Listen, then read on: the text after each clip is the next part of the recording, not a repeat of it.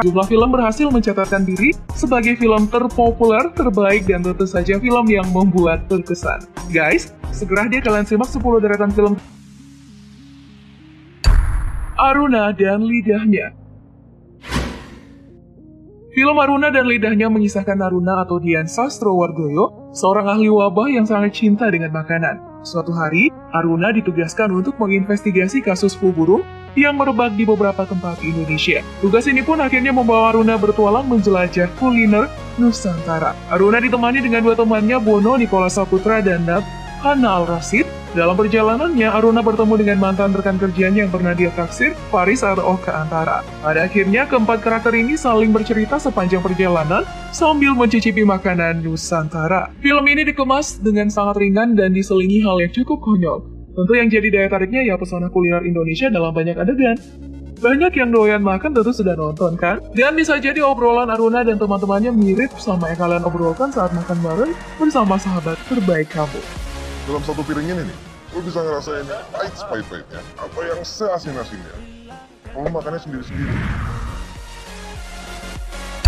Dilan 1990 pada film So Phenomenal Dylan 1990 pada 2018 ini, mengutip harian Kompas Dylan adalah film paling banyak dicuit di jagat Twitter pada tahun 2018.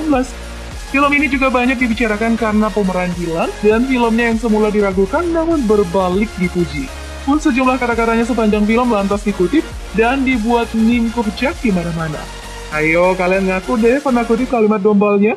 Film ini diadaptasi dari novel P.D. Baik tentang Milea yang diperankan oleh Vanessa Priscilla, siswi yang baru saja pindah dari Jakarta ke Bandung.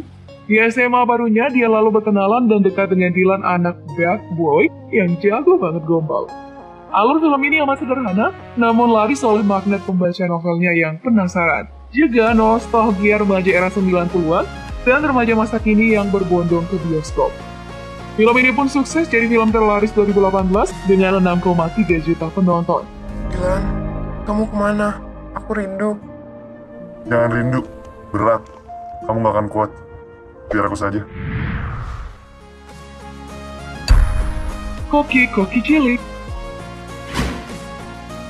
dari jarangnya film anak yang tayang di tahun 2018, untungnya Koki Koki Cilik hadir nggak cuma sekedar mengisi kuota, tapi juga seru hangat dan kocak. Sangat rekomendatif untuk ditonton sekeluarga. Koki Koki Cilik sendiri bercerita tentang Bima yang menabung untuk ikut kompetisi tahunan Cooking Camp buatan Pak Malik. Sementara kekuatan koki-koki cilik terletak pada kejelian sutradara Iva Isfansyah yang menerjemahkan dunia anak yang penuh warna. Rupanya warna tampak dari karakter anak yang kuat dan punya ciri khas. Set dan aktrisnya pun penuh warna. Dari bangunan berbasis kayu yang dipadukan dengan warna-warni peranti makan, bertakas dapur hingga buah dan sayur.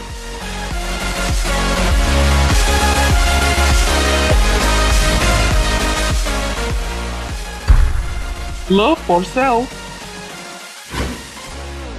Film ini berkisah tentang Richard yang diperankan oleh Jody Martin, pria yang berusia hampir setengah abad, yang terlalu asik bekerja dan lupa untuk menikah. Ia kagok saat berurusan dengan cinta dan jadi risih saat berkumpul dengan temannya karena status jomblonya. Bermodalkan sebuah aplikasi kencan online, Richard lalu bertemu dengan Arini Kusuma yang diperankan Della Dartian. Perempuan ini mengubah Richard secara keseluruhan, bahkan tentang hal-hal kecil seperti urusan pekerjaan. Ya meskipun film ini terkesan hanya terobsesi pada bagian akhir dan berplot datar, film ini adalah salah satu rekomendasi drama terbaik 2018 yang realistis. Kalau kamu pecinta drama harusnya sih udah nonton ya.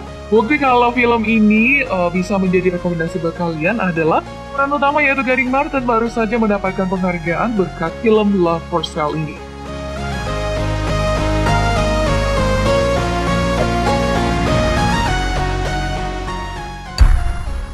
Namamu kata pertamaku.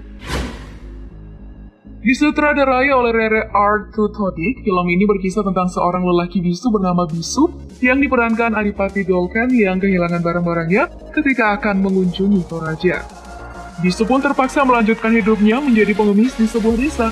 Namun, perlahan-lahan kehidupannya berubah menjadi lebih baik semenjak dirinya bertemu dengan Yunus dan gadis desa bernama Nila yang membuat si Bisu ini jatuh cinta. Film ini paling menonjol pada ide cerita dan totalitas pemeran utama, serta beberapa adegan humor yang berkelas. Sayangnya, tata gambarnya belum digarap api.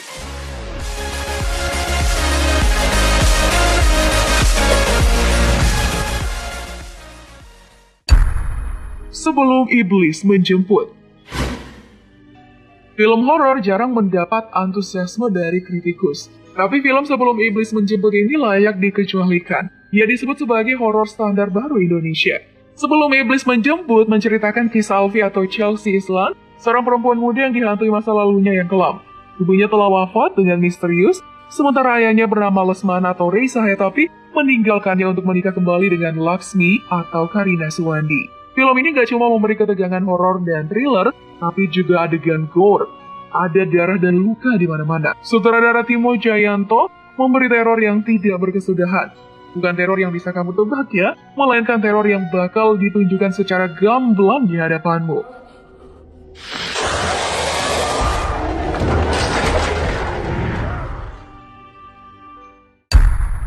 Skala Niskala Skala Niskala bercerita tentang dua anak kembar di Bali, Tantri dan Tantra. Diceritakan Tantri mengetahui bahwa saudara kembarnya bernama Tantra menderita penyakit yang katanya bisa membuatnya kehilangan nyawa. Otak Tantra mulai lemah dan ia pun harus kehilangan kemampuan indrawinya secara perlahan. Film ini surrealis, lambat, dan tenang. Mungkin penonton awam akan merasa bosan, namun pesan yang ingin disampaikan film ini adalah bagaimana seni memahami kematian dengan indah. Nah, selain mendapatkan penghargaan dari Berlinale Film Festival, Skala Niskala juga pernah mendapatkan penghargaan pada nominasi Festival Film Tempo 2017. Grand Prize di Tokyo Film Match, International Film Festival 2017, dan Best Youth Feature Film di Asia Pacific Screen Awards 2017. Dari penghargaan yang diraih, ini adalah salah satu film berkategori terbaik yang tayang pada tahun 2018.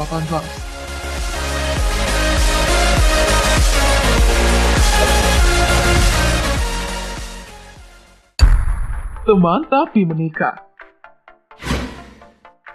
Cerita film Teman Tapi Menikah sejatinya berasal dari kisah nyata yang dialami sama pesinetron Ayu Dia Bing Slamet bersama suaminya Dito Percussion yang dituturkan dalam bentuk novel rilisan 2016. Soal aksi para pemain yang dipatenolkan boleh dinilai cukup matang saat mendalami karakter Dito. Di sisi lain, nilai tambah layak diberikan untuk Vanessa Priscilla.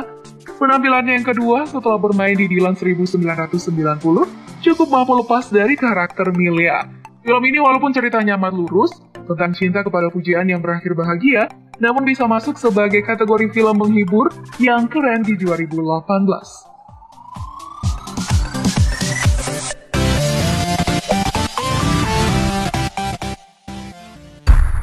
The Night Come For Us. Film produksi Netflix ini menceritakan tentang seorang kriminalis, Iko atau Taslim, yang membelot dari organisasi kriminal di Asia Tenggara karena menyelamatkan seorang anak perempuan. Aryan kawan lamanya yang juga tergabung dalam organisasi ini lalu diutus ke Jakarta untuk menghabisi kawannya itu. Peringatan buat kalian ya, adegan dalam film ini amat brutal dari awal hingga akhir. Ada adegan tembak-menembak, golok-golokan, hingga kata-kata kasar terus tersaji tanpa henti dan terlihat gamblang. Film arahan Timo Cayanto ini juga melibatkan Julia Estelle, Dian Sastro, Hana Aurasid, Abimana, Lee, dan Dimas Anggara. Film ini boleh disebut sebagai film dengan aksi laga terkeren di 2018, disertai dengan plot yang runtut dan drama yang kuat. Lebih meriah daripada The Raid.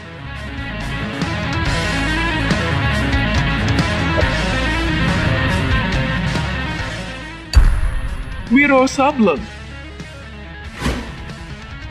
Wiro Sableng, pendekar kapak maut naga geni 212 adalah film aksi fantasi yang disutradarai oleh Angga Dwi Mas Sasongko yang diadaptasi dari seri novel Wiro Sableng karya Bastian Tito. Aspek komedi adegan laga dan terutama efek visual digarap dengan baik oleh Live Light Pictures setidaknya untuk ukuran Indonesia.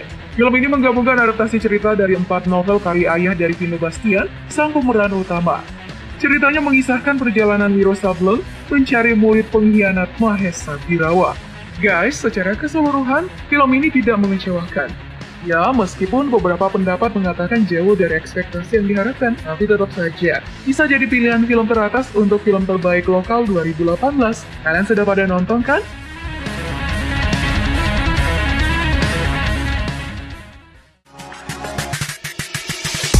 Nah demikianlah 10 film terbaik dan terpopuler yang telah dirilis di bioskop, termasuk yang tayang di media khusus selama periode 2000.